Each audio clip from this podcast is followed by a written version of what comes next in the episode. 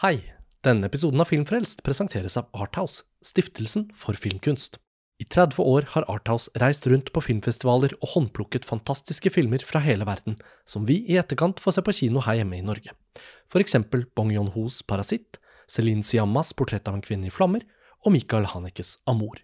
Og i fjor sikret Arthouse seg den franske filmen Natt i Paris på filmfestivalen i Venezia. Og denne filmen har norsk kinopremiere 3. juni.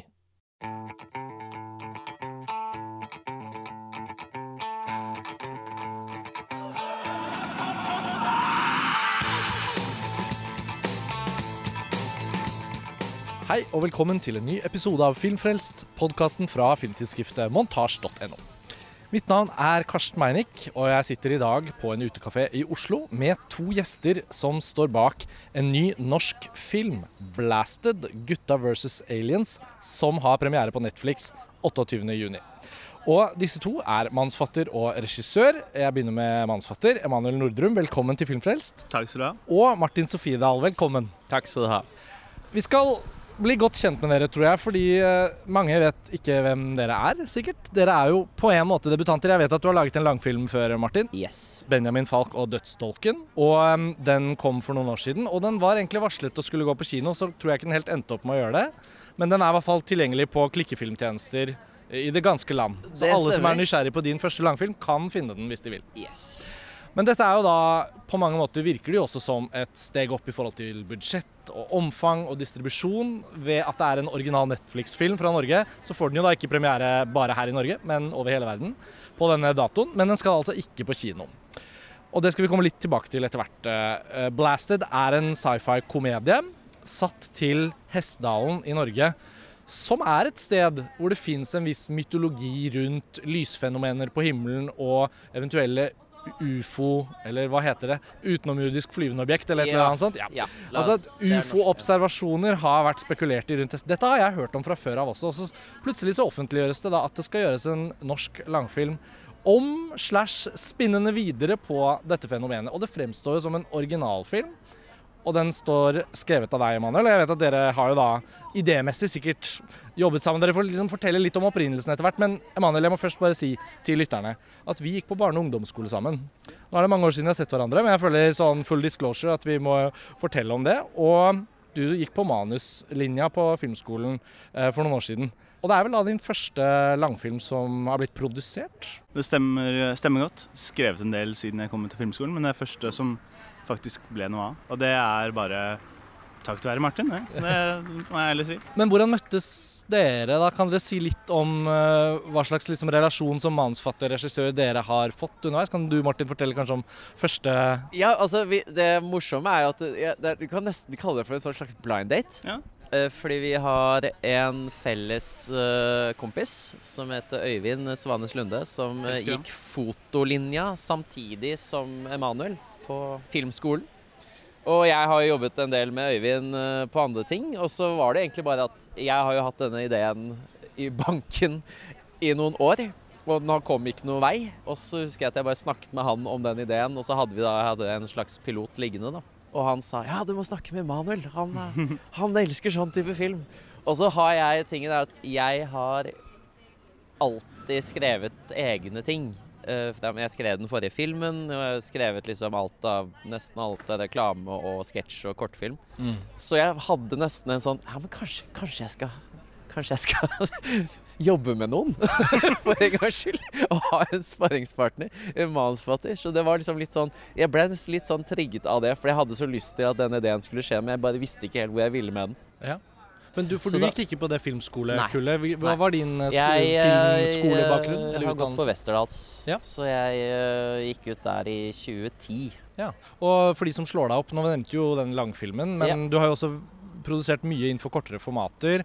Og for alle som googler deg, så vil det jo veldig raskt bli tydelig at det fins en slags sånn dannelsesmyte rundt en sånn fanfilm fra Uncharted-universet og sånn. Så jeg bare skyter inn dette. Jeg har gjort min lille research her. Um, men det er gøy å få høre litt om disse tingene, fordi det, det er jo ikke noen tvil om at veldig mange sånne samarbeidskonstellasjoner eh, i filmbransjen kommer jo gjerne til enten gjennom sånn langtrekkende vennskap eller litt tilfeldige møter, eller som det høres ut som, eller som det lukter som i dette tilfellet, en litt sånn sammenfallende forståelse av et sjanger og kreativt univers. Som man må ha, tror jeg, for å lage en sånn film som dette. Fordi jeg tror ikke det renner over i Norge og norsk filmbransje av folk som er opptatt av å lage science fiction-komedier. Tvert imot. Dette er jo etter hva jeg kan se, den aller første vi har. da. Så kan man si at uh, kanskje 'Trolljegeren' og noen av disse filmene som går litt over i fantasy, og som liksom um, spinner litt videre på møtet mellom sjangere. Har lekt seg litt med lignende greier. Men her er det jo noen sånne klassiske sci-fi-elementer som er så herlig å se sånn ordentlig sånn tatt inn i filmen deres og liksom slengt litt rundt på. Modernisert litt, men også hyllet litt. Så dette møtet mellom sjangere og den leken som filmen deres inneholder, den føler jeg i hvert fall er sjelden å se i norsk film. da. Så men tilbake til deres blind date, da, Martin. Eh, eh, hvordan eh, gikk den kreative dialogen med Manuel da dere møttes? Dette var jo i sommeren 2019. Stemmer. Ja, akkurat når du fant ut at, at Benjamin ikke skulle gå på kino. Ja, jeg hadde vel fått en sånn der, sånn, Det var kanskje litt sånn Jeg var rett og slett også litt Eh, litt lei av reklamelivet. Og har jo alltid hatt ambisjoner om å, å gå inn i fiksjon. Det er liksom der drømmen var. Og så hadde jeg vel Ja, jeg hadde nettopp fått beskjed om nei, Benjamin kommer ikke på kino, men den kommer ut, da, så det var jo, det var jo fint, det. Men også var det sånn OK, nå begynner den, nå begynner det å bli ferdig med det. Neste prosjekt, hva er det? Så passet det seg bare fint å ja, møte Øyvind, som da hooket oss opp, og så møttes vi på hva var det, Sentrum Scene et sted. Ja, på Peoples. Peoples. Peoples. Stemmer. Ja. Så var det noen øl der, da. Og ja. så var det jo ganske susu. vi hadde veldig god kjemi ganske umiddelbart. Det var nettopp det, for det var liksom med, med Spesielt da som mannsfatter, du ender opp med å ta liksom kaffe med regissører som har lyst til å exite reklamebransjen.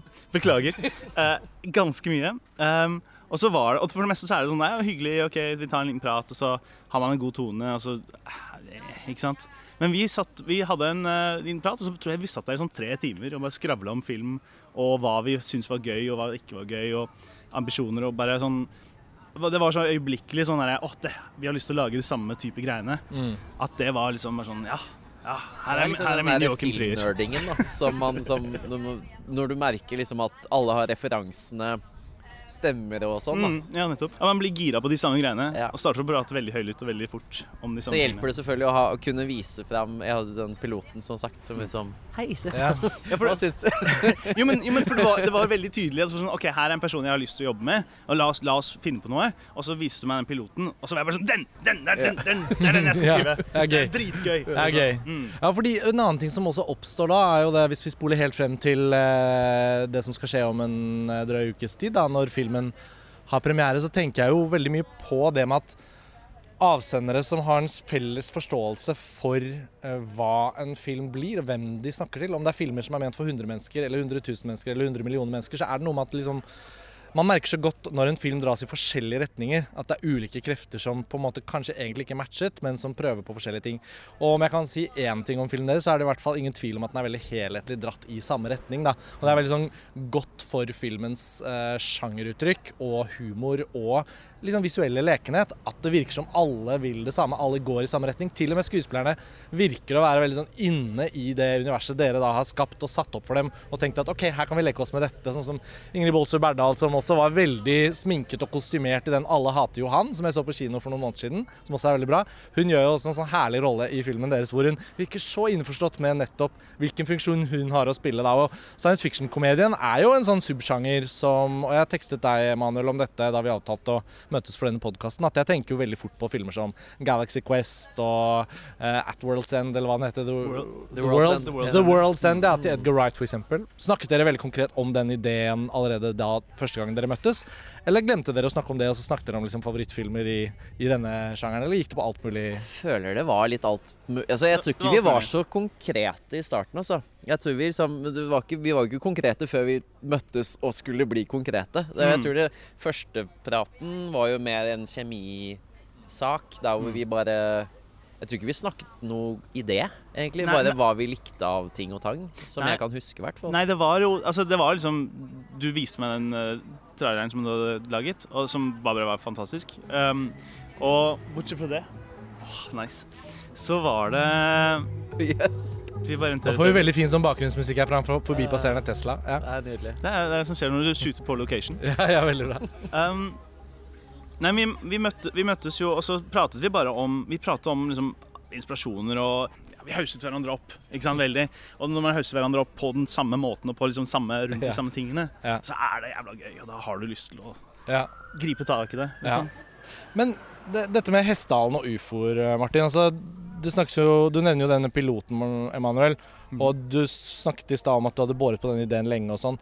Jeg mener å huske liksom sett dette Hessdalen-fenomenet blitt spøkt med i noen kortfilmer, eller en annen norsk kortfilm, eller i en eller annen sammenheng. Popkulturelt føler jeg at det har blitt nevnt. Jeg vet at de har gjort det i noen sånn barnefilm òg. Ja, kanskje det er det. Det er et eller annet sånn her eh, Jeg husker ikke helt Jeg husker når jeg på en måte oppdaget det, det fenomenet selv. Altså sånn, og Ja. det var bare at jeg snublet over en dokumentarfilm Ja. på YouTube som hadde gått på TV Norge eller noe sånt. Ja. Og så var det sånn 40 minutter, og så bare Ja, hva er dette for noe, liksom? Det var ikke noe sånn nei, De la ikke noe alien-betydning i dette her. Nei, det var okay. mer sånn Her er alle de tingene, og ingen vet hva det er, og forskjellige tanker og meningen var ikke noe som Så det var Som veldig en sånn sånn vitenskapelig tilnærming, sånn Ja. som i en av rollefigurene i filmen Yes, deres stemmer, stemmer. hele tiden kommer og påpeker at jo, men det kan jo forklares med liksom sånn. Kan ja. forklares. Nei, så jeg bare visste at Jeg hadde ikke hørt om noe annet. Og så når jeg gjorde litt research, så var det bare fant jeg ut Ok, det er noen andre filmskapere som kanskje har lyst til å utforske det samme, men det har ikke skjedd noe. Mm. Nei. Og det var det nærmeste jeg kom. Så når jeg da følte liksom at jeg hadde Nå hadde jeg selvfølgelig jeg merget jo to forskjellige ideer som jeg bare passet litt sånn fint sammen. Og det var jo liksom at jeg også hadde hatt tanker om lasertag Ja. i mange år. For det er også min barndom. Ja. Altså, Megazone, da. Megazone var jo meg på ungdomsskolen. Ja. ja, og For de som ikke har vokst opp i Oslo, jeg vet ikke om det finnes Megazone i veldig mange andre norske byer òg, men i hvert fall i Oslo. hvert fall i Nede Oslo. ved, litt opp fra Rockefeller, den ene trappen der, Stemmer. eh, lå det Megazone. Ja da, så vi var medlem, og hver onsdag etter ungdomsskolen gikk vi, hadde egne Jeg irriterer meg over at jeg ikke husker den gamertaggen min, men uh, Jeg var uh, Shadow FX. Ja, ja. Riktig person, Ja, ikke sant? riktig person, jeg ser- Nei, men, så, ser den. men, men eh, tingen var at jeg hadde den Jeg hadde så lyst til å lage noe action med lasertag. ja. Men jeg visste jo ikke hva det var for noe. Uh, helt til jeg så da denne dokumentaren. Og da tenkte jeg at oi, her, dette passer jo perfekt, for du har liksom lys, Ja. og du har laser, og du har noe greier her. Som, så da kunne dette funke, da. Var det omtrent der ideen var? Altså, si litt nå om hvordan dere kommer til det manuset som filmen da faktisk er basert på. Altså, hvor Det som lå der, på en måte som har blitt, er liksom Ja, Lasershag selvfølgelig, og Hessdalen og uh, lysfenomenet. Og så var jo også ideen om dette utdrikningslaget. Og så, så veldig mye av sånn Ja, at, også, at hovedpersonen alltid skulle ha på seg sånn bamsedrakt. Så det var jo en del eh, planta ting. eh, Og at det var også handlet om at det var to venner som på en måte hadde liksom falt fra hverandre. Eh, så det, så mye av tematikken i filmen ble jo en sånn som vi, Det var denne work-life balance. At du har en som De er på hver sin ekstreme. Han ene er liksom for mye life, holdt jeg på å si. som har eh, ikke vokst opp. Og så har du han som kanskje vokste opp litt for mye. Eh, og så handler det liksom om å finne tilbake. Og det, den kanskje var vel det som var igjen, men karakterene og sånn rundt det Ja. Nei, altså, altså Manuset er veldig en, en, en utdypning av den kjernen som var i filmen. Altså Hvis du så ti, eh, den traileren, så vil du kjenne igjen filmen. på en måte. En, en alternativ versjon, på en måte. Definitivt vi gikk i andre retninger etter hvert, liksom. Men, men, men det er eh. Du, det, er, det, det ville vært en veldig god DVD-ekstra. Ja, men, eh, altså, Man kan ikke utelukke fysisk format fullstendig, men eh, vi lever i strømmetidsalderen hvor ting kanskje ikke helt eh, blir omgjort til bonusmateriale på den måten vi vokste opp med, tipper jeg, alle vi tre. Men OK, jeg ser jo også på filmen at den er produsert av Are Heidenstrøm, som har gjort mye blockbustere hos Fantefilm, før han skiftet over til Misofilm, som er det selskapet filmen er produsert i. Og dere sier jo at dere har møttes og liksom hatt denne eh, blind-daten deres i 2019. Nå er det jo 2022. Jeg vet filmen ble da spilt inn for et år siden. I norsk sammenheng syns jeg jo det høres ut som en ganske sånn kort vei, selv om du har båret på ideen en stund, da, Martin, som du sier, så er det likevel høres ut som en ganske kort vei mellom at man begynner å si OK, nå skal vi lage den filmen, til at den faktisk er laget og har premiere. Kan dere si litt om den prosessen der? Altså, Emanuel, hvordan var din første runde? Hvor mange drafts ble det? ja, var, var det feil ennå Nei, stadig? nei, nei, nei, Det, det er sånn hvor mange som det sto på uh, forsiden av Ja. øh, manuset, eller hvor mange det faktisk var. Ja, forsiden av manuset, da, for hvor, hvor, hvor mange leverte jeg til Netflix, og hvor mange leverte jeg til Martin? Det ja, er, det eh, er vesentlig forskjell. Eh, nei, du, det er Vi, vi var, ekst, var Helt ærlig, vi var ekstremt heldige i at i at vi hadde eh, på, Fra Netflix sin side fra Ares sin side, så hadde vi liksom folk som var gira på ideen Mm. og konseptet, og var bare hadde energi og, og eh, Engasjement. ja, engasjement. Ja, ja. Og ble liksom revet med og syntes det var utrolig gøy. Så, så det, er liksom, det, er ikke, det er jo ikke nok Det er jo en, et veldig godt utgangspunkt at vi har de samme referansene og syns dette er gøy. Men, eh, men når vi også da har folk som står på produksjonssiden og på eh, Finansieringen? Ja, ikke sant? Og, og alt det, og syns det også det samme det er gøy, så er det Det er jo drømmen, ikke sant? Da trenger du ikke å gå tusen runder hvor du prøver må forsvare hvorfor du vil lage dette. Du bare Du gir det til dem, og så ler de, og så Ikke sant? Og så neste utkast kommer som, som en positiv del av en sånn prosess, mer enn at du føler at du liksom stanger hvert utkast. Nettopp. Ja. nettopp. Og, og, og tilbakemelding var, var Når du nå skal si at det er 1070 utkast, så er ikke det en dramatisk ting, men det, altså, det, er en, det er en liten overdrivelse, men jeg, jeg skal ikke Nei da. Men det er jo ikke langt Tre- unna. Men, tresifret. men, men, er men jeg, jeg vil jo si altså, sånn, det var jo for så vidt en lettelse Å føle liksom vært kanskje mest på treatment, da, som vi leverte først. Mm. var det jo at vi selv følte jo at vi bare ja, Vi kjører på med det vi har Mm. lyst til, og håper altså, Men du vet jo ikke nødvendigvis om liksom vi følte at det var det de kicket på, for de også så denne piloten. ikke sant? Så Mm. vi følte jo sånn, vi må jo svare på oppgaven. da, det var det, altså, Vi følte det, men du vet jo ikke. Og så når du da fikk den der anerkjennelsen derifra at dette liker de, så bare OK, Ja, da, da kan vi bare kjøre på. Men var det aldri en film som var på vei til å bli en regulær norsk kinofilm som skulle gå på vanlig kino? Hvor tidlig var det? Hvor tidlig ble det en Netflix-film? Til. Ja, men altså, Eh, Kan du altså, bare si litt om det? Ble det pitchet direkte til Netflix før det Det er jo en litt interessant vei inn der, Ja. for å si det Ja. sånn. Uh, nei, Fortell Fortell så, det dere kan.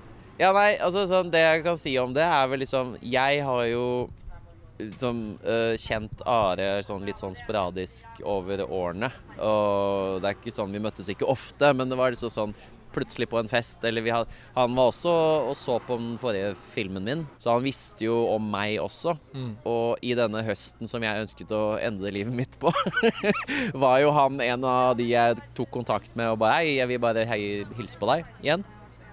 Og da viste jeg den piloten.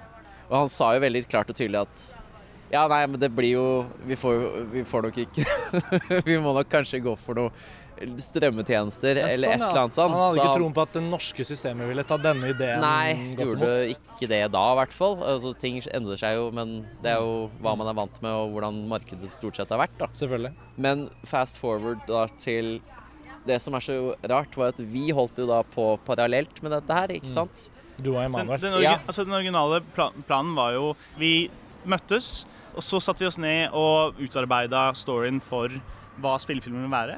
Og så, og så gikk jeg av sted og skrev 'Treatment' med tanke på at Martin skulle selge det inn når han var ute og promoterte Benjamin. Dette er det de i Amerika snakker om som en sånn spekk-script, ikke sant? Det er ingen som har slengt penger i bordet og sagt 'go to work'. Dere har isteden eh, jobbet organisk som liksom et Det var på en måte av egen lyst og vilje, Ja, egentlig. absolutt. Så det var jo bare at vi hadde bare lyst Nå vi lyst å Vi har en idé, vi har lyst til å jobbe med. Mm. Så får vi se hvordan det går, da. Mm. Men, men det som da er noe jeg, jeg aldri kommer til å glemme, var jo slutten av januar 2020. Mm.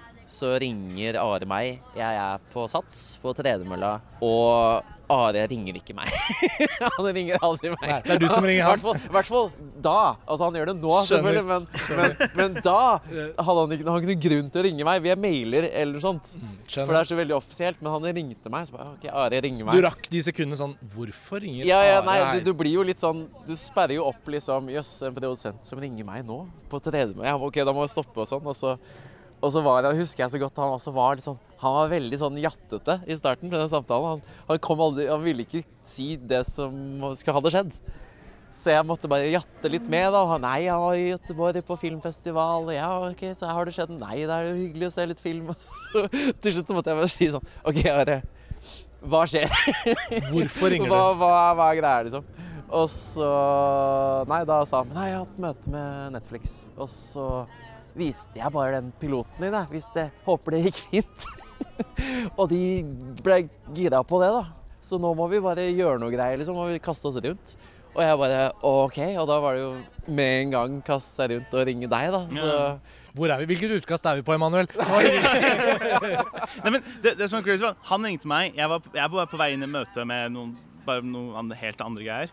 Og stoppet og hørte, og han sa sånn Ja, Netflix og sånn. Jeg bare, og jeg, min reaksjon var sånn Shit, gratulerer. Jeg håper det blir en kjempefin film. Og shit, jeg ønsker deg lykke til. Liksom. Jeg falt meg aldri inn. Du så ikke inn. deg selv inn i den Det falt meg aldri inn at han ville fortsette å jobbe med meg.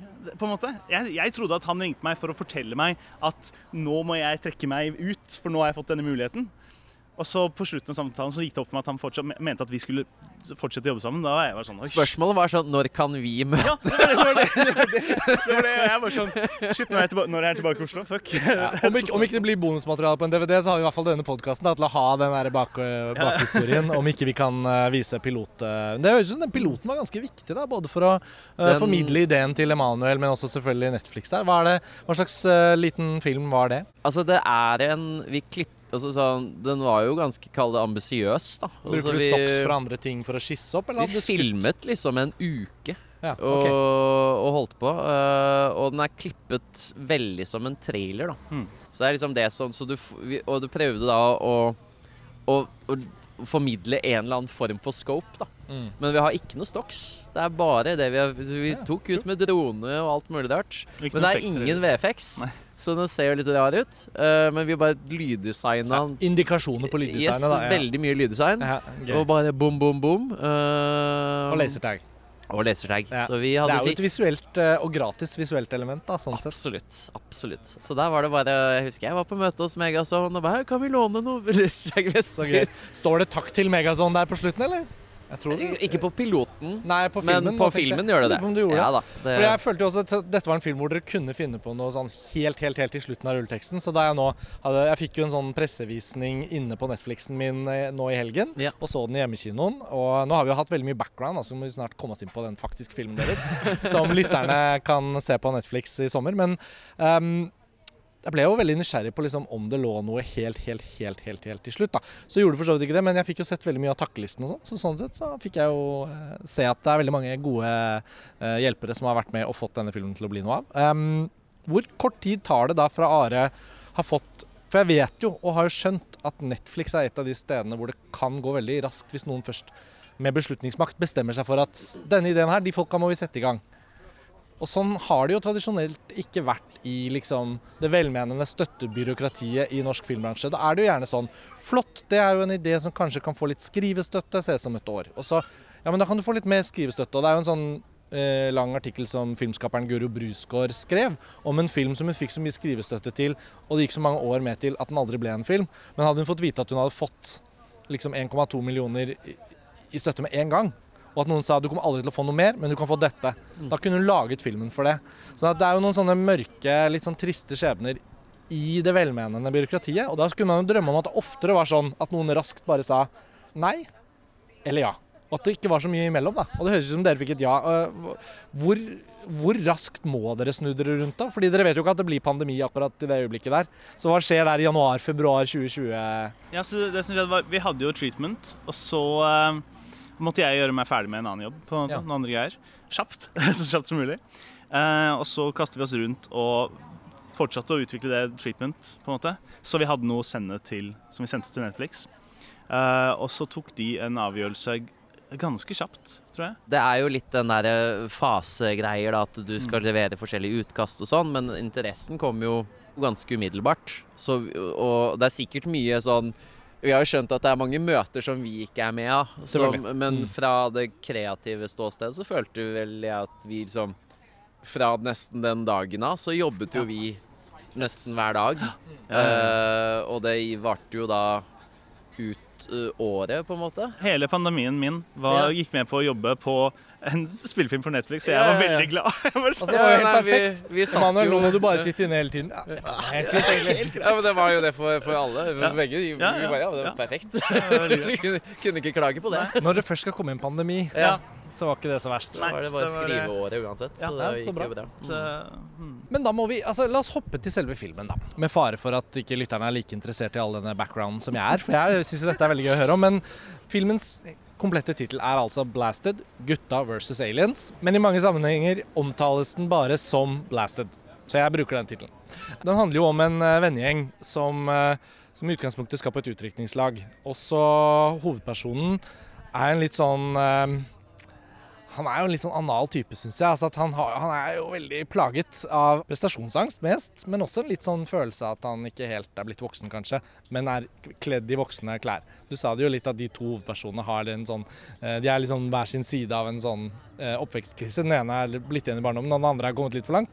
Og det er jo helt sånn ned til kostyme og bare manerer i løpet av det første minuttet av filmen, så får man jo Jeg ble jo litt irritert på han først, bare fordi jeg følte at det var noe med hele greia. Så han spilte Aksel Bøyum, som mange særlig husker fra Heimebane og Heksejakt.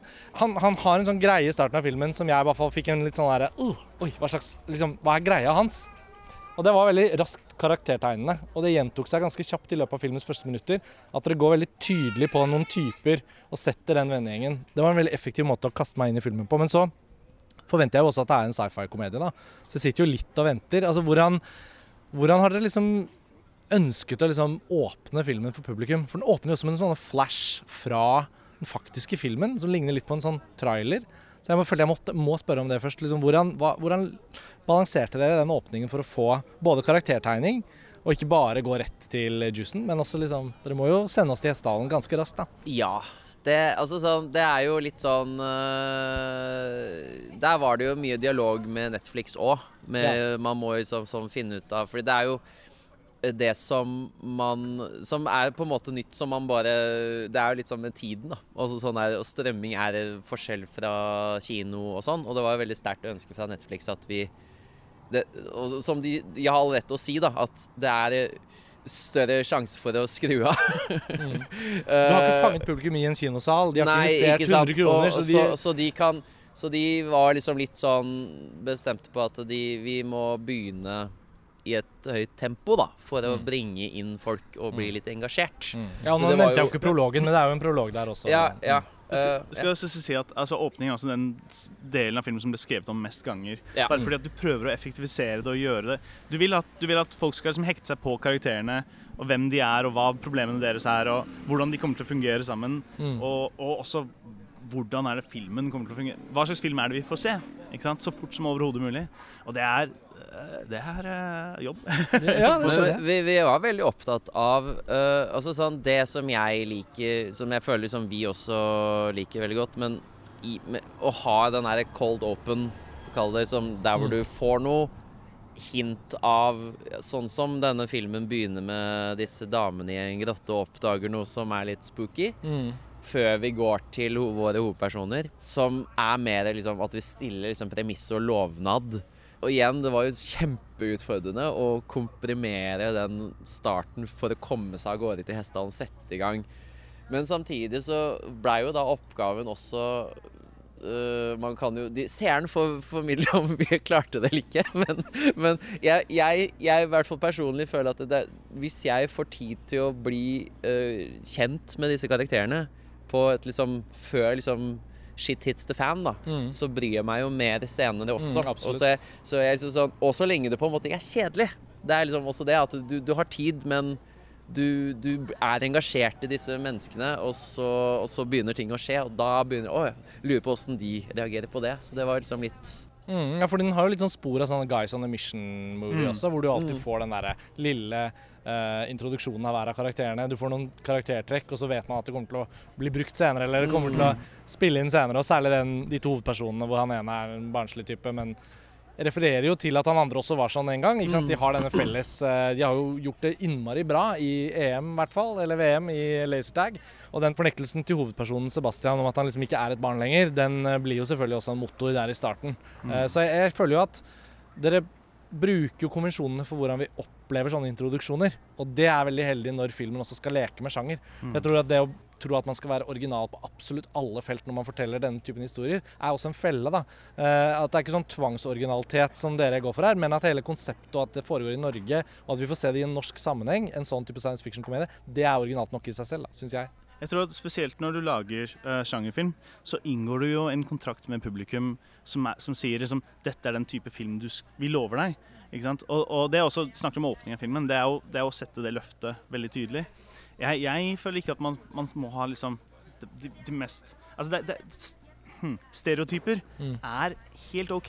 Mm. Så fordi at for, for publikum hekter seg på det, og så, og så tenker de OK, hva, hvordan er det denne jeg, jeg skjønner denne karakteren veldig fort, og så hvordan kommer den karakteren til å interagere med den karakteren? Mm. Og det er jo egentlig End of the day så er det de forholdene og hvordan kjemien mellom dem vi bryr oss om. ikke sant? Mer enn noe annet. Mm, Uh, mm. Og så er det pang-pang og, og, og sånn. Men det, det er jo også veldig med tanke på karakterarbeid, som vi også var jo veldig bevisste på, som jeg, jeg Det må jeg si sånn er noe jeg er veldig stolt av. Men det går jo også over på selvfølgelig skuespillerne vi fikk, da. eh, som bare naila den stereotypen, da, for Ja, å si det det ja. sånn. Men vi var jo veldig opptatt av å pinpointe hvem så, sånn fordi vi hadde for eksempel, Vi refererte stadig vekk til sånn Silicon Valley, den der HBO-serien. og så- ja. For det, der var, det- var en stor øh, referanse for oss, eller inspirasjon, med tanke på sånn For da har du liksom litt lignende typer, og hvordan de harmonerer med hverandre. Og det var jo veldig sånn OK, vi må ha denne personen, og fordi den personen passer veldig gøy med der. Og, så sånn, og det blir jo et sånn puslespill, da. Ja, og så tenker jeg men at vi bare øh, Jeg syns jo også at det er mange stereotypier og konvensjoner som dere ikke har brukt også. Da. For eksempel så tenker jeg det ville vært lett i denne filmen å ha noen veldig sånne outrerte nerdetyper. Mhm. Fordi man er jo alle Vi er jo litt nerder selv, sikkert de fleste som er interessert i en sånn film. Og man kjenner at, at den sjangeren, science fiction-komedien og sånn, den snakker jo til mange som har en innforstått forståelse av ikke bare science fiction-komedier, men science fiction og komedier. Og gjerne litt grøss og litt alt det andre også, ikke sant. Men i rollegalleriet deres så syns jeg dere har noen herlige sånne ikke sant, André Sørums rollefigur, som er en skuespiller jeg har klippet selv i en del sammenhenger. Og han kan jo være et unikum i forhold til en form for sånn løs komisk improvisasjon som ikke er fra revy, men som liksom er fra en form for sånn, litt sånn sår, dramatisk eh, kilde. En veldig sånn fin skuespiller. Og han er jo en sånn type som kunne vært mye mer exit, men som ikke er det. Og så har man eh, Hva heter han? Er det Eirik Hallert? Ja. Som, som dras mer over mot liksom peace and love og yoga, føler jeg. Enn Ikke at dere Det er ikke det direkte, men. Det Sånn at, det jeg syns det var litt sånn herlig at i det å ha litt konvensjonelle opptegninger som er egentlig en hjelp for publikum i denne typen film, så har dere likevel funnet noen sånne typer som ikke vi alltid da ender opp med å se. Det syns jeg var litt fint. Ja, men det handler jo om å rikte For det er det med stereotyper føles, føles ut som man sier at, uh, at det er liksom dette, Ja, det var en stereotypisk eksempel Ja, det kan bli sånn pappfigur, da. Ja, Ikke sant? ikke sant? ser jo det som men, litt sånn. men, men det blir jo det å velge liksom, karakterer og referansepunkter som er som ikke nødvendigvis Du vil ikke ta alle karakterene fra Silicon Valley, ikke nei, sant? Nei, nettopp. Men du tar gjerne du tar én karakter derfra, og Ja. sier du hva er, hva er det vi elsker med den karakteren? Ja. Og hvor, hvordan funker han? Og hvis vi tar Tom fra Succession, som er min åh, så utrolig tydelig referanse for, uh, for André Sørums eh, karakter. Ja. Og, og, og, hva, og så sitter vi og prater om liksom, hva er det du elsker med den karakteren. Og liksom, hvis vi tar, hvis vi tar Jared fra Silicon Valley og så tar vi Tom fra Succession og setter dem sammen, hvordan fungerer de? Mm. Ikke sant? Mm. Og det er, så blir det noe nytt av det. Og så er det science fiction-elementet her, da. Denne faktiske uh, Om ikke en alien invasion, så er det vel jeg, sånn, jeg landet et sted mellom Galaxy Quest og ET litt. At det er noen sånne Ja. At det er La meg forsøke å si det uten å spoile, da. Men ET er jo en film hvor um, det utenomrudiske ikke så strategisk har valgt seg jorden, kanskje, men at det er en liten tilfeldighet i spill. Og um, i Blasted så er det vel i hvert fall for de som har sett traileren, så er det ikke noe hemmelighet om at det er nærkontakt. Uh, om ikke av tredje grad, så er det i hvert fall en nærkontakt mellom vår gjeng og noe utenomjordisk. Og måten dere har integrert det science fiction-elementet på, det syns jeg også var litt sånn heldig, for da fikk dere på en måte bruk for en liten bit Prometheus, en liten bit eh, Det er jo litt grøss her òg, da. På en måte, Det er jo en sånn grøssereferanser her òg. Så syns jeg likevel at dere havnet på et sånt ganske sånn heldig sted hvor man også skal spøke med sjangeren. Eh, For science fiction er ikke så hellig for dere at dere ikke kan kødde litt med det. Det tror jeg også er bra. Så hva er liksom hovedreferansene her for det utenomjordiske elementet? Hvis vi kan snakke om det uten å spoile, da. Ja, nei, altså Jeg vil jo For utenomjordisk altså, sånn, vi, Dette ble, går litt over i det visuelle språket òg, så, så vi hadde mye referanse på det var jo mer moderne, så vi tenkte mye på den Super 8 som kom Ja. for noen år Mm, siden. J.J. Eh, Abrams, Uh, Abrams Super 8, eh, var jo en sterk inspirasjon. Og så var vi liksom Vi var jo litt på innom sånn Stranger Things, på en måte. Så det Ja. var mye mer sånn fordi det var, Men det går kanskje litt i det visuelle òg. Men, men samtidig så var vi jo også litt opptatt av at det liksom Det var noe gøy med designet på mye ting var også litt sånn er gøy hvis det er litt sånn retro. Mm. Men du liksom Du tar noe Altså, retro Det er hakket unna Red Dwarf på noen tidspunkt her ja, også. ja, ja, altså, det, er noe, det er noe veldig gøy med å for de liksom som husker den serien, som gikk på ja, ja. NRK2 eller hva det var i gamle dager. Nei, men jeg, jeg, er sånn, Så tanken var jo liksom Det er noe gøy å ta liksom den klisjeen som er liksom av alt av romskip og, og romvesen og sånn, som, men på en måte gjøre den liksom mer detaljert og moderne på en eller annen måte. Så du tok liksom en gammel ting og pakket inn i noe moderne. Og så bla, altså, så det Ja. er veldig mange forskjellige Det eneste som er gjort i Norge som toucher på disse greiene her, er jo faktisk sånn Brødrene Dal. og jeg tenker på det som en heldig ting å komme på, da, fordi jeg syns jo Brødrene Dal var helt fantastisk. Det kan vi sette på plakaten. Ja, ja, ja. Brødrene Dal møter eh, Edgar Wright og ja. Nei, jeg skal ikke spekulere for mye i det. Men, men også for deg da, som mannsfatter, Emanuel. Jeg vet jo at du er veldig opptatt av science fiction. Ja, nei, men det det er også en av de heldige tingene med å jobbe med, med troper. Uten, uh, også er at du kan reverse dem, og, og, fordi at publikum ditt vet hva, hva du snakker om, eller har visse forventninger. Ja. Ikke sant? Så, så du kan gjøre mye forskjellig. Og, og det å Jeg tror aldri man skal være for alvorlig med det. Emanuel, hvis jeg skal bruke det at vi har vokst opp eh, og gått på skole sammen til noe i denne samtalen, mm. så mener jeg å huske at jeg tror ikke jeg kjenner en, eller jeg tror ikke jeg har kjent en person som så dedikert har vært opptatt av science fiction, også science fiction-litteratur, og Ja. liksom rollespill og Mm. fantasy. Og jeg følte du var liksom kilden til det og visste alltid mye om det.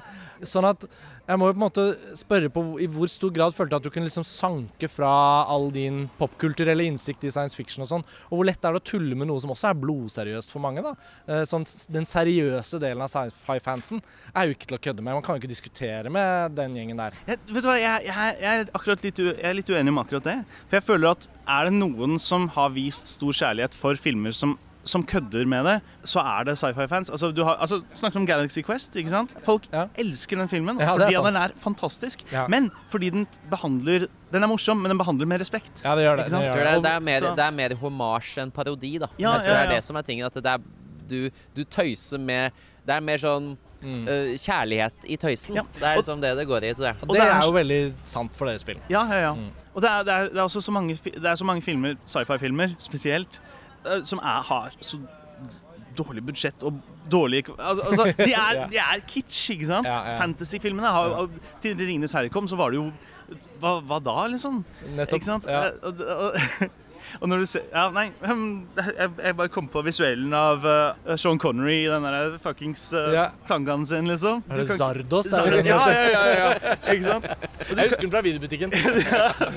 Det, det, er en, det er en sjanger hvor det, det er en sjanger som kombinerer disse fantastiske ideene Mm. med ganske ofte ikke så veldig god eh, i, I bøkene, i hvert fall. Ikke så veldig godt skrevne karakterer. Og, og Mm. det, det, er, det er ofte en sjanger som, som har mer på ideene enn på eh, historiefortellingen. ja, Ja, ja. ikke sant?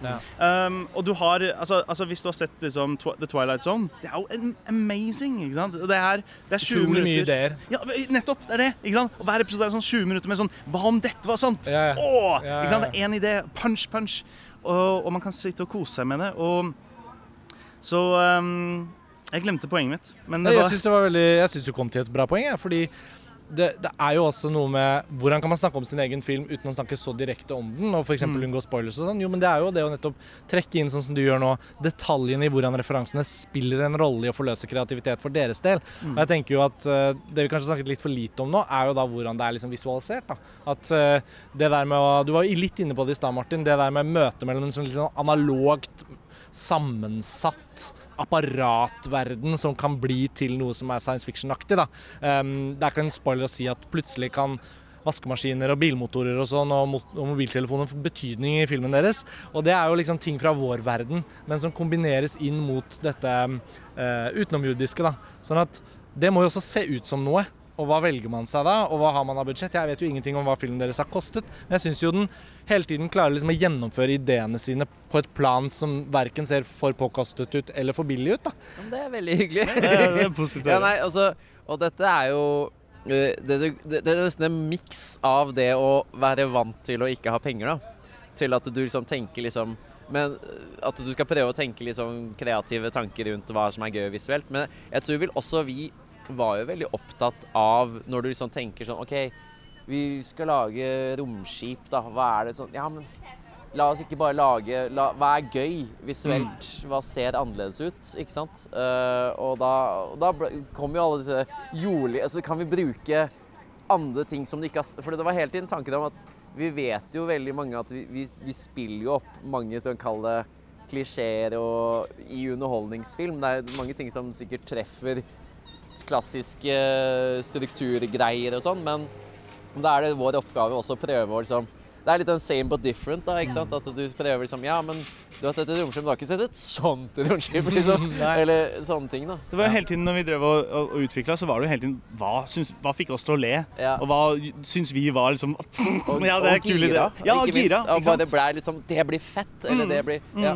Men jeg, jeg, det som jeg har coina som et begrep som jeg sikkert kommer til å ta meg videre i filmskapingen, er jo Jeg, jeg husker jeg sa det for første gang til Netflix. var jo Jeg kalte det for kickass dumass'. Mm. Er liksom blitt et begrep som jeg føler liksom jeg, og det var derfor, jeg tror liksom derfor vi har passet så bra sammen òg. Fordi jeg kunne ikke jobbet med noe som var sånn dønn alvorlig sci-fi. Altså, vi må jo Med en gang vi sier ja, 'kan vi gjøre det', for det er så teit. Fordi teit for meg er kjempegøy. Og det var liksom Kickass Dumbass. Det handler jo bare om at med en gang noe blir for kult, så må vi gjøre noe for å dumme det ned. Og det er liksom et grep man sa. Og det var der hele lasertag-greia kommer inn. ikke sant? Dette, det er litt teit. Mm. Lasertag er litt teit. Men hvordan kan vi gjøre lasertag så det ser dritfett ut? Men det, men det, og det var sånn som, som jeg sa, at det var sånn når vi pitchet inn til Netflix òg, fordi de spurte jo om hvordan er det laserne skal se ut. Og jeg sa det skal se ut som lasertag. Og fordi de var sånn, ja, noen, Vi var jo innom sånn ja, Skal det være sånn, sånn à la Star Wars at du ser liksom altså At det flyr en prosjektil? da, Sånn, nei. Det skal se ut som Og det skal høres ut som lasertag. Og selv om disse vestene som du da får se i filmen, som er litt mer moderne eh, enn vanlige, så var det veldig viktig å bare Også de skulle ha den kickass dumbass at ja, de ser fete ut. Høres litt mer eh, Nintendo-spill liksom. Det er jo kanskje det man er mest spent på også med denne filmen. Altså sånn, jo da, vi har jo alle disse Veldig mye kan du Det er jo inspirert tydelig Edgar Wright Eller man kan jo kanskje si tidlig Edgar Wright. Da. Sånn Cornetto Trilogy Edgar Wright. Og det er sikkert mange som vil si at det, å, man bare har kopiert, men det er jo inspirasjon og hommage til det. Men så er det sånn Så har vi andre referanser i forhold til sånn jeg ble inspirert av sånn animasjonsfilm. Altså Spider-Verse-filmen har jo litt de samme harde klippene og vendinger. Så det er, så, sånn, det er jo veldig spent på den der lekenheten vi har prøvd å, å lage her, da. Og som er veldig sånn unorsk, for å si det mildt. Ja. Men jeg må jo innrømme at jeg ble litt melankolsk over at ikke filmen skal få brette seg ut i kinosaler rundt omkring. da. Hvordan har det vært for deg, Martin, å innse at filmen ikke skal settes opp på kino? Fordi den er jo lagd, og den er jo der. Så det er jo ikke noe i veien for at den går på kino, bortsett fra at det er en eller annen regel Netflix har. Ja, altså, vet du hva? Jeg har Det har aldri slått meg en gang. Fordi jeg vet at sånn Ja, men da hadde det ikke vært for Netflix, så hadde Nei. vi ikke sittet her og hatt noen Mm. film. Det var kjedeligere forrige gang, for da var vi jo på vei. Altså, Ja. sånn, og så fikk vi liksom omsider etter så lang tid et nei, og da var det litt mer crushing. For da var vi liksom Ja, men vi har jo dispetøren Ja, Benjamin Fak og Dødsdolken. Men her var jo det aldri Vi visste jo godt hva Netflix var med en gang. Men det som har gjort at jeg ikke har tenkt på det, er både det at det er Netflix i seg selv, Mm. men så tenkte jeg hele tiden ja, men jeg skal fortsatt Det har ikke stoppet oss fra å lage en film som kunne fint gått på kino. Vi har jo, jeg føler at ambisjonen har hele tiden vært Vi har lagd en kinofilm. Ja, for jeg har lyst til å si en ting til dere og til lytterne, og det er jo at jeg har sett ganske mange filmer på Netflix de siste årene. Jeg har virkelig ikke sett alle, for jeg er virkelig trøtt av det òg. Men jeg har jo sett en god del filmer på Netflix som er laget for Netflix, hvor jeg har begynt mer og mer å ende opp i samtaler hvor man begge, eller flere som diskuterer samme film, ser den ikke litt sånn Netflix-aktig ut. Hva er det? Er det et filter? Er det noe de har gjort? Er det noe som filmskaperne får instruksjoner om som gjør at man ender opp med en slags form for sånn herre um, ikke-levende autørtrekk-ting? Som er sånn De bare preges av noe, og det skjer hovedsakelig inne på Netflix. Og jeg klarer ikke å sette fingeren på hva det er. Men jeg ble veldig lettet over at jeg ikke følte det med deres film. Så bra. Så jeg vet ikke helt hva det er eh, som har eh, Hva slags forgiftning som har skjedd med de andre filmene. Men det er en eller annen form for sånn glatt, ikke-cinematisk visualitet som jeg har sett i mange Netflix-filmer, og som plager meg litt. Og jeg ble veldig glad for det, men da kom også noe av denne melankolien over at ikke filmen skal på kino, fordi det virker jo som den på alle måter da, er laget som en film som så fint kan fylle en kinosal. Og så lages det jo ofte ikke altfor publikumsvennlige filmer i Norge, men som settes opp på kino. Så det er et lite paradoks. Jeg vet at ikke det er noen løsning på dette, fordi det som du sier, det er jo en original Netflix-film. For dere har det vært det helt siden eh, den telefonen fra Gøteborg som du refererte Ja. til. Men eh, man må jo få lov å håpe at da etter at den har gått litt på Netflix, så burde det jo være mulig, på en måte. Er det, Fins det en DCP, liksom? Har dere i det hele tatt sett den selv i en kinosal? Jeg har sett den selv i en kinosal, ja.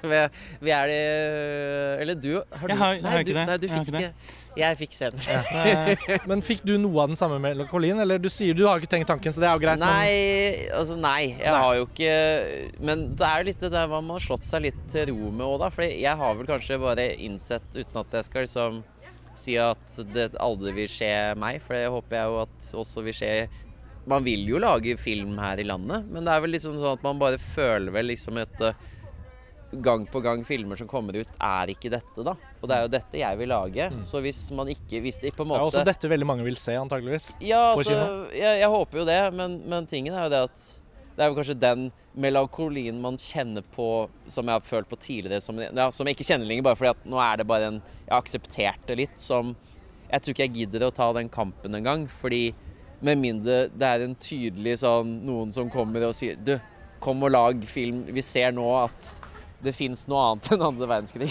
Ja, ja, ja. Shots fired! Oh, no!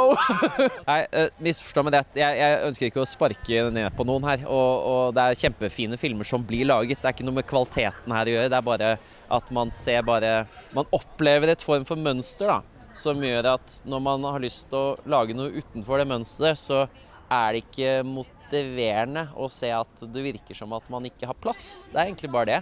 Og det er jo ikke bare at man Jeg vil jo gjerne. Vi vil jo gjerne. selvfølgelig. Så selvfølgelig. på ingen måte liksom kritikk av kvalitet på andre filmer. På ingen men, måte. Men jeg vil også, jeg vil også liksom Bare som et poeng at hvor, kino er midlertidig, holdt jeg på å si.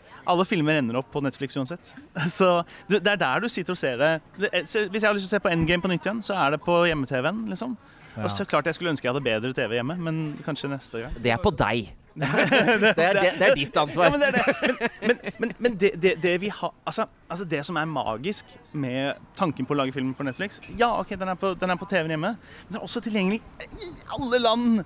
Ikke sant? I hele verden samtidig. Jeg kan sende Jeg har venner i Canada og, og Statene som er bare sånn Ja, vi er drikkere, og vi har, vi har lagt den på lista, liksom. Jeg bare sånn det er, Og det er, og det Det er er, umiddelbart. Ja, det er sånn umiddelbart. der- det er ikke en sånn at du må den må gå så så bra i Norge, og så må du se, prøve å selge den på et marked om et halvt år. Så kommer Ja, den kanskje på kino igjen, hvis du er heldig, Ja, ja. om halvannet år senere. Og så bare Å ja, ja, stemmer det. Ikke sant? Kanskje Ja, ja. den dukker opp en sånn Arthouse-kino i eh, Michigan. Men jeg er enig i at alle disse tingene er jo positive deler av det.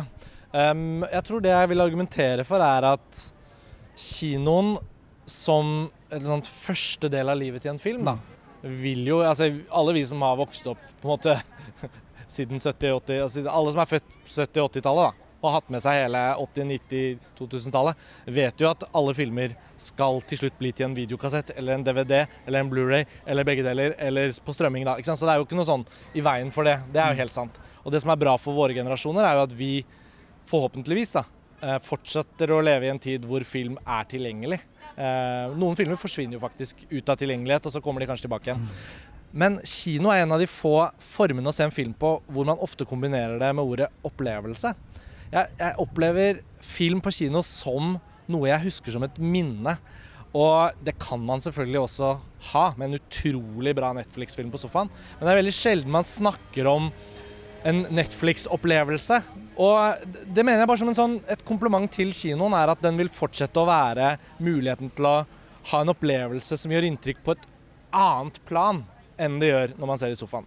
Men ting kan skje i motsatt rekkefølge òg, så jeg tenker jo at hvis en film som dere har laget nå, uh, får en liten fanbase på Netflix Og det tenker jeg, hvorfor ikke? Hvorfor skulle den ikke gjøre det? La oss være Eller stor. Kanskje, kanskje, Jeg bare, jeg bare kaster ut. og kanskje den um, lasertag-drakten fra Japan, Mm. eh, som virker designet for filmen, eh, blir et Halloween-kostyme, ikke sant? Oh, Da er man i gang. kult. Da er det inne i popkulturen. amazing. At det da kan være mulig for dere å få høre om, eller til og med være med og sette opp, at filmen vises retrospektivt på en sci-fi-festival f.eks. I Norge har man jo i Fredrikstad er det sci-fi-festival en helg om høsten eller når det er. ikke sant? At da, jeg bare syns det er så leit at vi er på et sted hvor filmer på en måte lukkes inn. da. Hvis jeg Mm. starter på en kino, så har den et langt liv som på en måte er åpent for filmen. Men når den starter Foreløpig, i hvert fall, da, så starter jo filmen deres i det lukkede rommet Netflix, som riktignok er åpent for 200 millioner mennesker over hele verden, men det er nå engang sånn at den er der, da. Og jeg tenker at på vegne av norsk filmkultur, så er det jo veldig flott at dere har laget denne filmen og fylt ut sjangerbildet vårt. Men når den ikke går på kino, så er det som om den på en måte liksom hopper over en del av samtalen. da. Men, men, Ikke spørre- er på podkasten, for nå fikk vi gjort dette. jeg.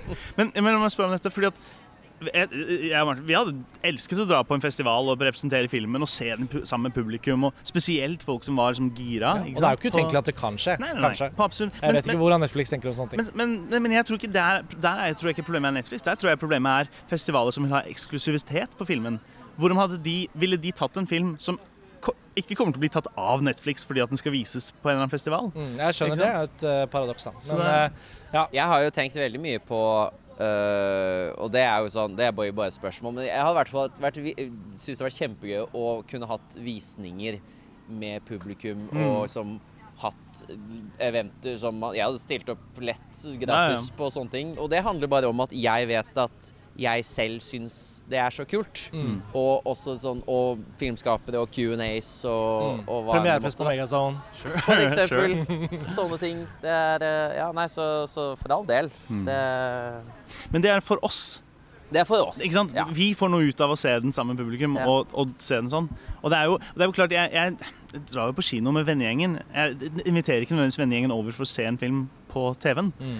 Men jeg har ikke tid til å møte vennegjengen lenger. Heller, så det er liksom Man er på forskjellige tidspunkt i livet og, ja, og under pandemien med nye visningsmønstre og seermønstre osv. Mm. Men, eh, men OK, la oss spole nå til eh, at filmen har hatt premiere, og den begynner å bli del av folks lille popkulturelle eh, dagbok fra sommeren 2022. da. Hva er det dere håper og forventer at filmen skal liksom Hva slags respons fra verden tror dere at kommer? Åh, Det er spennende. Nei, altså, det som jeg For jeg må være litt premiereyr, Martin. Det er liksom bare noen Du dager til. Du aner ikke. Jeg har ikke sovet på en uke. og jeg kommer sikkert ikke til å sove på neste uke heller. Jeg er helt utslitt. Men ja, nei. Altså, det, det som jeg føler som jeg er litt stolt av med filmen, som jeg håper er altså, Som er litt sånn apropos Netflix og hva slags suksesser de du kan se gjennom der, da. Det er jo litt den der å se på uh, Kall det sånn ikonografi, da.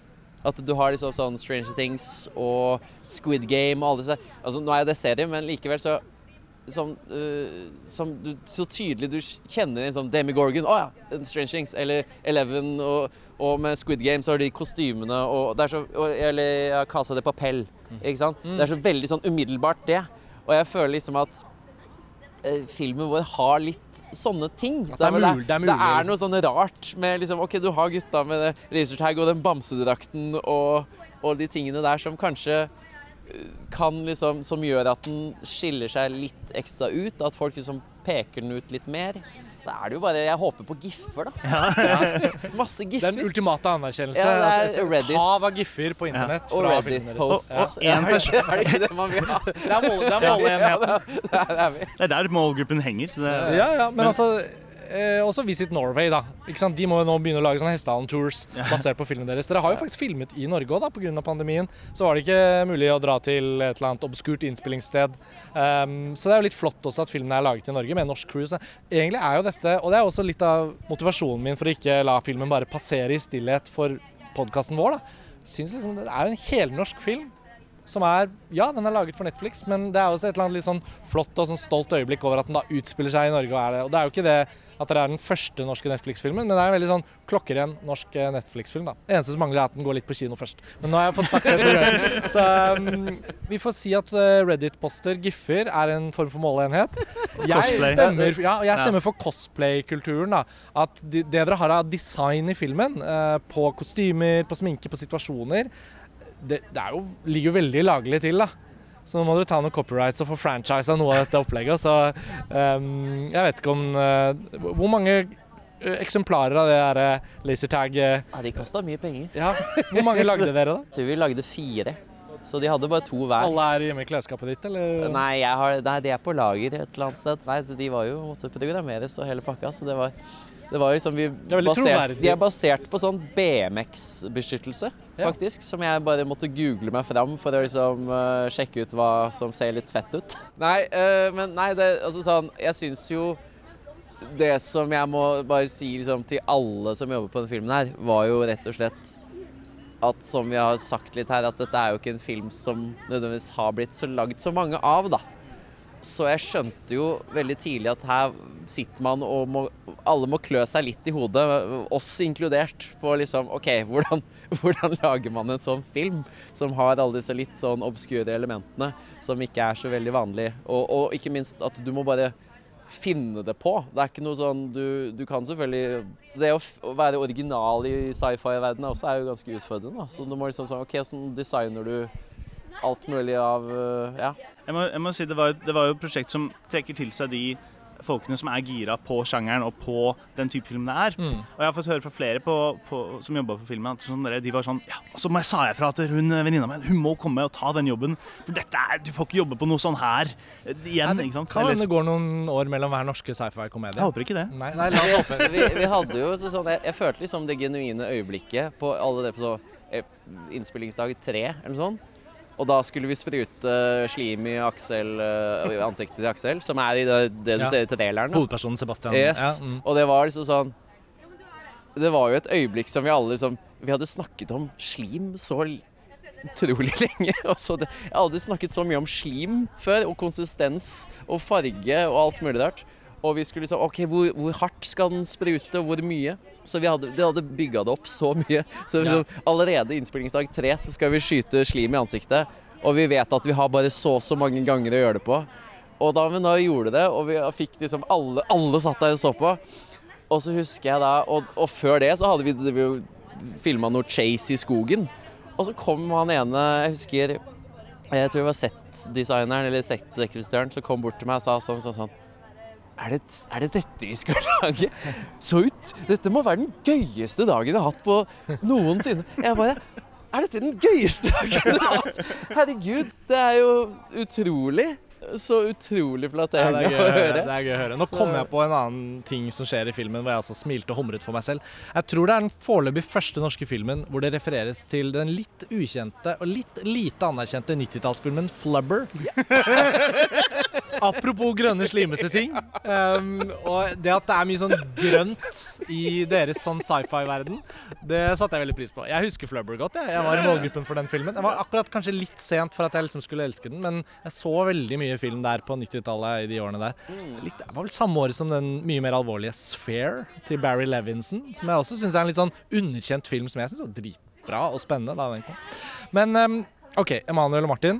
Vi har gått litt over tiden. Jeg har en følelse av at vi kunne sitte her i timevis. Eh, litt sånn som deres første møte, kanskje. Men eh, jeg er veldig glad dere hadde anledning og lyst til å være gjester på podkasten og snakke litt om filmen deres, 'Blasted', som da har Netflix-premiere 28.6.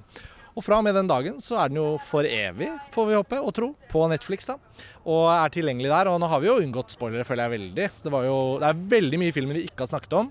Så eh, det kunne vi kunne sikkert snakket om mer, eh, Martin. Jeg vet ikke om dere føler dere brant inne med noe som dere veldig gjerne hadde lyst til å si? Nei, altså Nei. Jeg, Nei? tror vi, Altså, jeg vil jo bare si at jeg frykt, altså jeg er jo veldig stolt. Og, og veldig Det har jo vært en lang reise og veldig tungt til tider, selvfølgelig. Det er jo vanskelig å lage sånn film. Jeg tror, jeg Ikke minst under en pandemi, da, med tanke på opptakene og sånn. Ja. Det var kanskje deilig med manusarbeidet, men det var kanskje ikke fullt så stas å Nei, altså det er jo Det er vel kanskje det som man tar litt for gitt. da. Det er en sånn romantisert tanke om filmskaping som man kanskje glemmer litt når man sånn skal i gang med noe, og så plutselig ser man at å herregud, så mye jobb det er. Ja. Så det er, jo, det er jo den biten der, da. Som var, men, men herregud, som folk har stått på, altså. Ja. Og ja, og jeg, altså kanskje ekstra til sånn skuespillerne, altså. Som, som du nevnte litt tidligere i stad, at de, så sånn, de der forståelsen for hva de faktisk var med på. Ja. og var liksom noen av dem fikk vi jo ikke nevnt, da. Har, vi fikk jo ikke nevnt navnene på alle, men dere har et veldig bra cast her. Eh, og det dukker jo også opp noen cameos fra mer kjente norske skuespillere. Jeg syns Ingar Helge Gimle, som vi riktignok har sett hundrevis av ganger i norsk film, men det er så herlig å se at han er, han er game for alt. Yes. Han er jo en av de skuespillerne som virker som han aldri kjeder seg når han spiller i en film. Fra kortfilm til langfilm. Han stiller opp, så, så det er en veldig Inger, herlig er- liten rollefigur han også har. Ja. De som er nysgjerrig på å vite om flere av navnene på alle de som har vært med å lage Blasted, så er det bare å slå det opp på IMDb, selvfølgelig. Emanuel og Martin, tusen takk for at dere var med på podkasten. Og så håper jeg vi får mulighet til å snakkes igjen i fremtiden, når nye prosjekter levendegjøres. Absolutt. Tusen takk. Tusen takk for oss. Ha det bra! Ha det.